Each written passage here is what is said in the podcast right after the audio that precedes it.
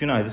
Ee, uluslararası piyasalarda ABD endeksleri Cuma gününü e, iyi kapattı. S&P 500 %2'ye yakın e, primle e, günü sonlandırdı. Haftalık bazda eksi de olsa da özellikle finansallar tarafından gelen alım dalgasıyla iyi bir kapanış yaptı. E, 3815 e, seviyesinin üzerinde kaldığı sürece de işte 3940 e, seviyesine oradaki 50 günlüğüne doğru e, hareket devam edecektir. Şimdi Cuma günü ABD tarafında çok fazla gelişme oldu tabii. Ya bunları şöyle bir özetlemek gerekirse. Birincisi piyasa City grubun bilançosunu çok beğendi. City %13'e yakın artıyla günü sonlandırdı. Bundan bir gün önce JP Morgan'la Morgan Stanley'nin bilançosunu çok beğenmemişti e, ve e, finansalları Citigroup sonrası gelen alımla beraber e, endekste oldukça iyi e, bir e, kapanış yaptı e, günlük bazda baktığımızda. Tabii finansalların borsa yatırım fonu XLF'ye bakarsanız haftalık olarak yatay bir kapanışla karşılaşacaksınız. Ama bayağı bir eksiden çevirmiş oldu e, günün sonunda.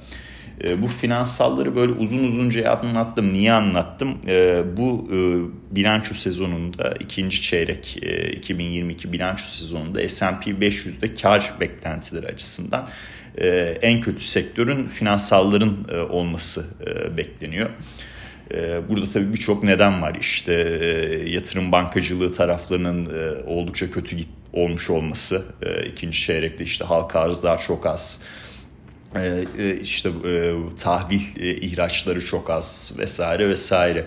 Ee, daha da önemli bir nokta tabii resesyon riskleri arttıkça finansallar karşılıklarını arttırıyor. Bu da tabii direktman net kardan düşüyor. Ee, işte bu mesela şey zamanında çok net görülmüştü. Pandemi zamanında tabii çok yüksek karşılık ayırmışlardı. Tak diye e, o net kar e, tarafında onun e, eksikliği hissedildi. Diğer taraftan trading tarafları iyi gidiyor. Yüksek volatiliteden ötürü. Bir de net faiz marjları iyi gidiyor. Burada tabii Fed'in faiz artışı yapması bu iş modelinde bir miktar... Daha fazla e, bu e, krediler e, tarafındaki e, karın e, artmasına sebep oluyor. Neyse günün sonunda e, en kötü beklenen e, iyi bir performans e, sağlayınca Cuma günü endeksi de otomatikman aldılar. Bunun dışında iki tane daha önemli gelişme vardı. Bu finansallara devam edeceğim ama ikisini de, ikisini de belirtmem lazım. Birincisi FED üyelerinden konuşmalar vardı. İşte e, Bostik e, konuştu. E, şimdi bu konuşmalarda tabii e, bu haftadan itibaren Fed'in konuşmama süreci başlıyor. Bu blackout periyot dediğimiz. Çünkü gelecek hafta ya bu hafta değil önümüzdeki hafta Fed'in toplantısı var.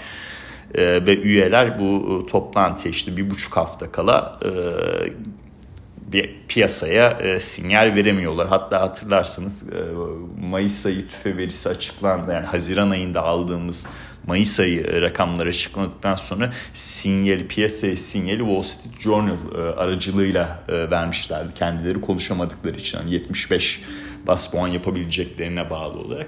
Şimdi burada da e, Fed'in en şahin üyesi diyebileceğim Bullard e, 75 ila 100 arasında 100 arasında bir e, faiz artışının e, pratikte çok bir farklılık yaratmadığını söylüyor. Bu ne demek? E, demek ki 75 bas puanlık bir artış e, daha e, çok e, öne çıkabilir e, demek istiyor. En Şahin'in bile böyle e, bu tüfe verisine rağmen 100 yapılması lazım vesaire dememesi daha 75'e Fed'in daha sıcak olduğunun e, bir göstergesi. Zaten Bostik'te e, ekonomide iyi giden noktalar da var mevcutta. Bunu bozmamak adına e, işte çok da sert faiz artışı yapmamak lazım diyor. Yani çok da sertten kasıt şu 100 puan değil 75 bas puan e, yapalım e, demek istiyor.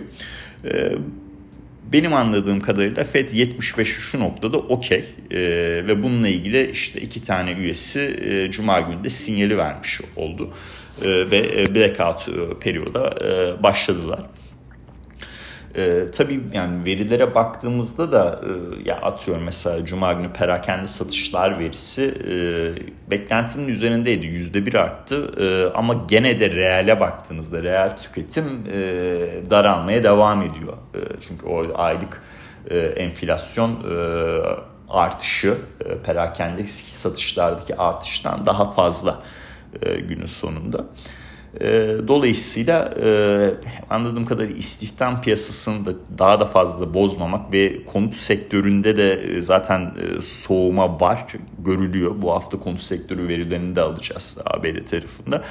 E, çok da böyle resesyonu hemen yanımıza çağıralım bir an önce olsun vesaire noktasına getirmem için 100 değil 75 tarafına daha e, yatkınlar.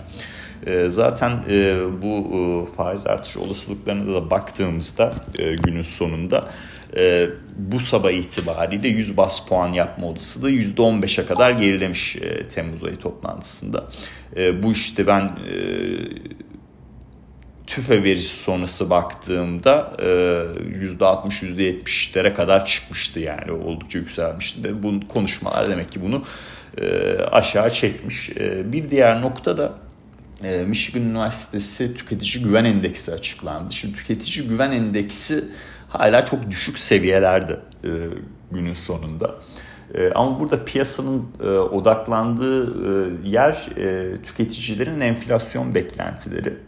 Burada 5 ila 10 yıl arası enflasyon beklentilerinde aşağı bir reviz, revizyon değil aşağı bir gidişat var. E, işte Temmuz ayında açıkladığı rakamda ee, yani şöyle söyleyeyim e, yüzde 3 beklenirken 2.8 açıklanmış. Bir önceki veri de 3.1.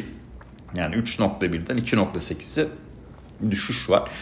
Ee, bu e, tüketicilerin işte uzun vadeli e, enflasyon beklentilerindeki düşüş tabii bir noktada piyasada enflasyon beklentilerine dair fiyatlamalarla bu işte enflasyona e, endeksi tahvillerle gelen e, işte başa baş e, noktasını gösteren fiyatlamalar var. E, bu başa baş noktası ne demek? Piyasa e, işte tahviller aracılığıyla enflasyon beklentisi nasıl fiyatlıyor diye. Burada da gerilemeler e, söz konusu.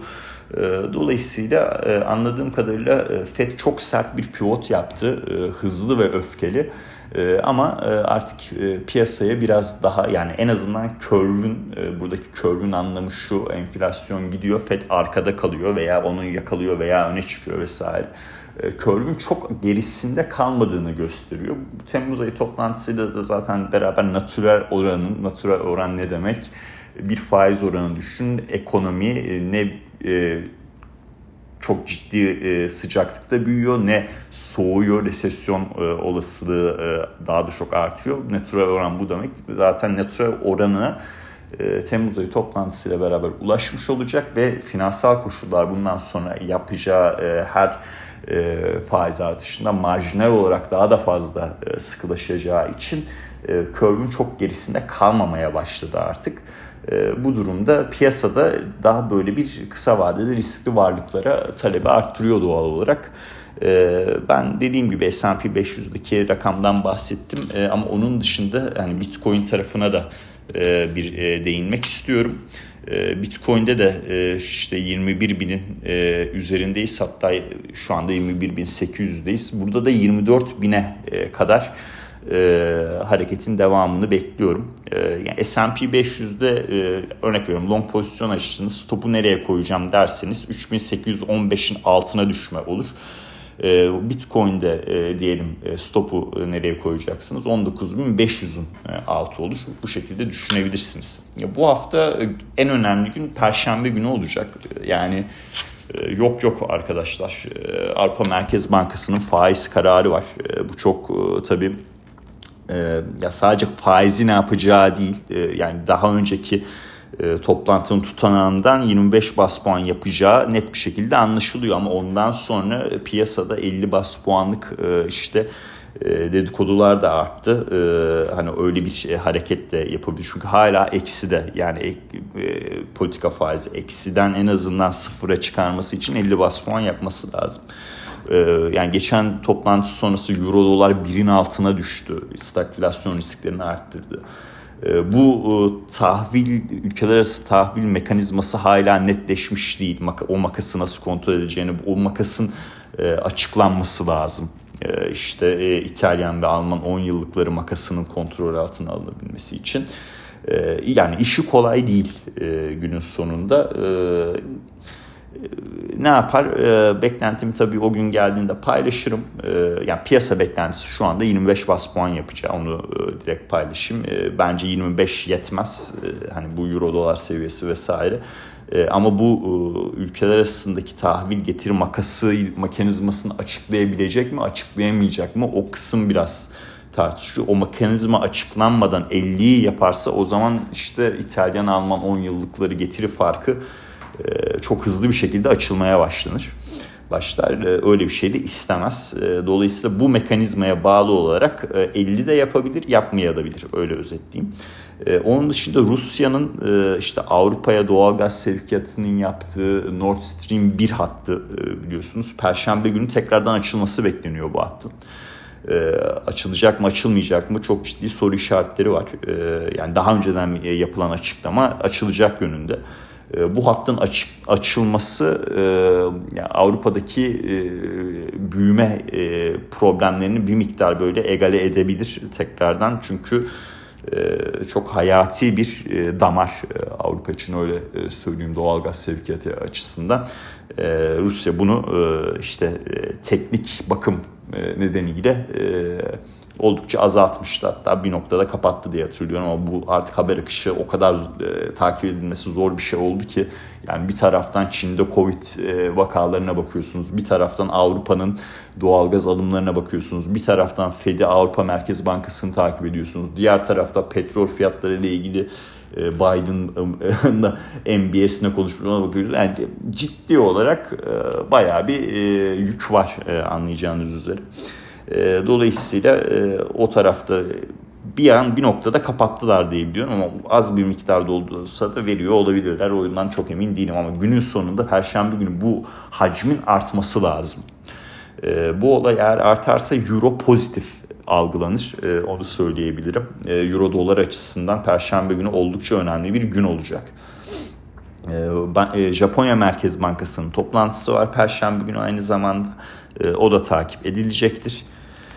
E, durumlar bu. E, ya ben hala en mantıklı trade'leri 10 yıllık getiriler yükseldikçe alım yönlü yapılması taraftarıyım. İşte %3 civarlarına çıkmıştı. Daha sonra bu sabah itibariyle 2.9 burada bence 2.75-2.80 aralığına kadar yolumuz var. Euro dolar tarafında ben açıkçası perşembe gününe kadar day trade dışına çok fazla bulaşmam.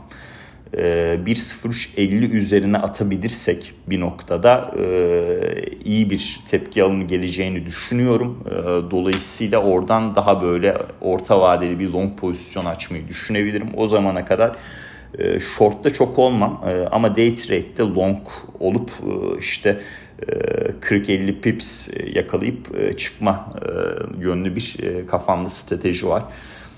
Perşembe gününe kadar bence birin altında çok fazla tutmazlar. Çünkü bu hem Avrupa Merkez Bankası beklentileri hem de Avrupa'nın doğal gaz alımlarının sevkiyatı ile ilgili olan olası haber akışlarına bağlı olarak.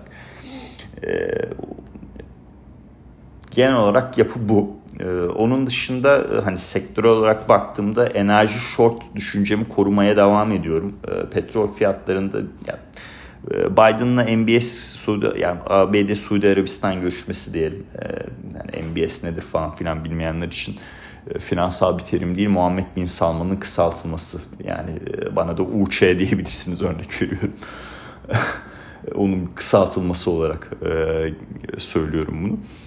Ee, bu görüşmeden e, Suudi Arabistan anında bir arz fazlası yapmadı. Ee, OPEC Plus toplantısında bu kararın işte bir e, muhtemelen sembolik de olsa bir arz artışı yapacaklar. Ee, bu kararın OPEC Plus toplantısında açıklanması e, isteniyor anladığım kadarıyla. 3 Ağustos tarihinde olacak OPEC Plus toplantısı ama Libya tarafından gelişmeler var. Orada iç taraf yani gerçekten oldukça karışık ülkenin.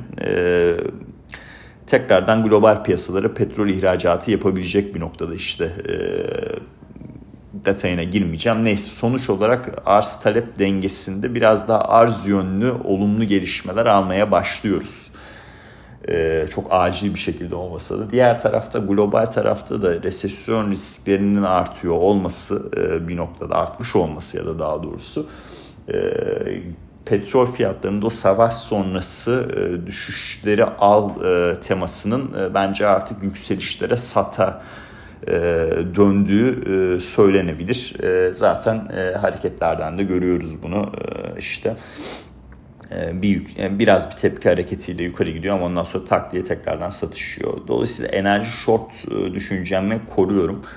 Teknoloji tarafında e, yani Cuma günü enteresan bir şekilde Netflix %8'lik bir primle sonlandırdı. Bu hafta bilançosu var. Bugün tabii Goldman'la Bank of America bilançoları önemli olacak. Ama Netflix'te Tesla'nın da e, bilançosu var. O da onlar da yakinen ta- takip edilecek. Netflix çok ciddi satış yemişti bir önceki bilançosu sonrası. Bu sefer merakla e, takip ediyorum. Eğer bilanço sonrası olumlu bir hareket görürsek yani bu e, iletişim e, sektörü başlıca e, teknoloji tarafında da bir miktar tepki alımlarının devamı söz konusu olabilir. E, dolayısıyla teknoloji long, enerji short düşüncemi koruyorum. Ee, bugün e, işte e, Bank of America ve Goldman Sachs bilançoları sonrası finansallarda da bir miktar daha e, yukarı gidişat devam edebilir. Hisse bazlı Taiwan Semiconductor Manufacturing'e bakabilirsiniz. Perşembe günü onunla ilgili maili paylaştım. İyi gitti Cuma günü. Bence bu hafta içinde de hedefimize ulaşacak gibi 88-90 e, bandını hedefliyordum. E, iyi bir trade e, oluyor orada. Nazar değmesin deyip hisse bazlı olayı da şimdilik sonlandırayım. Genel gidişat bu.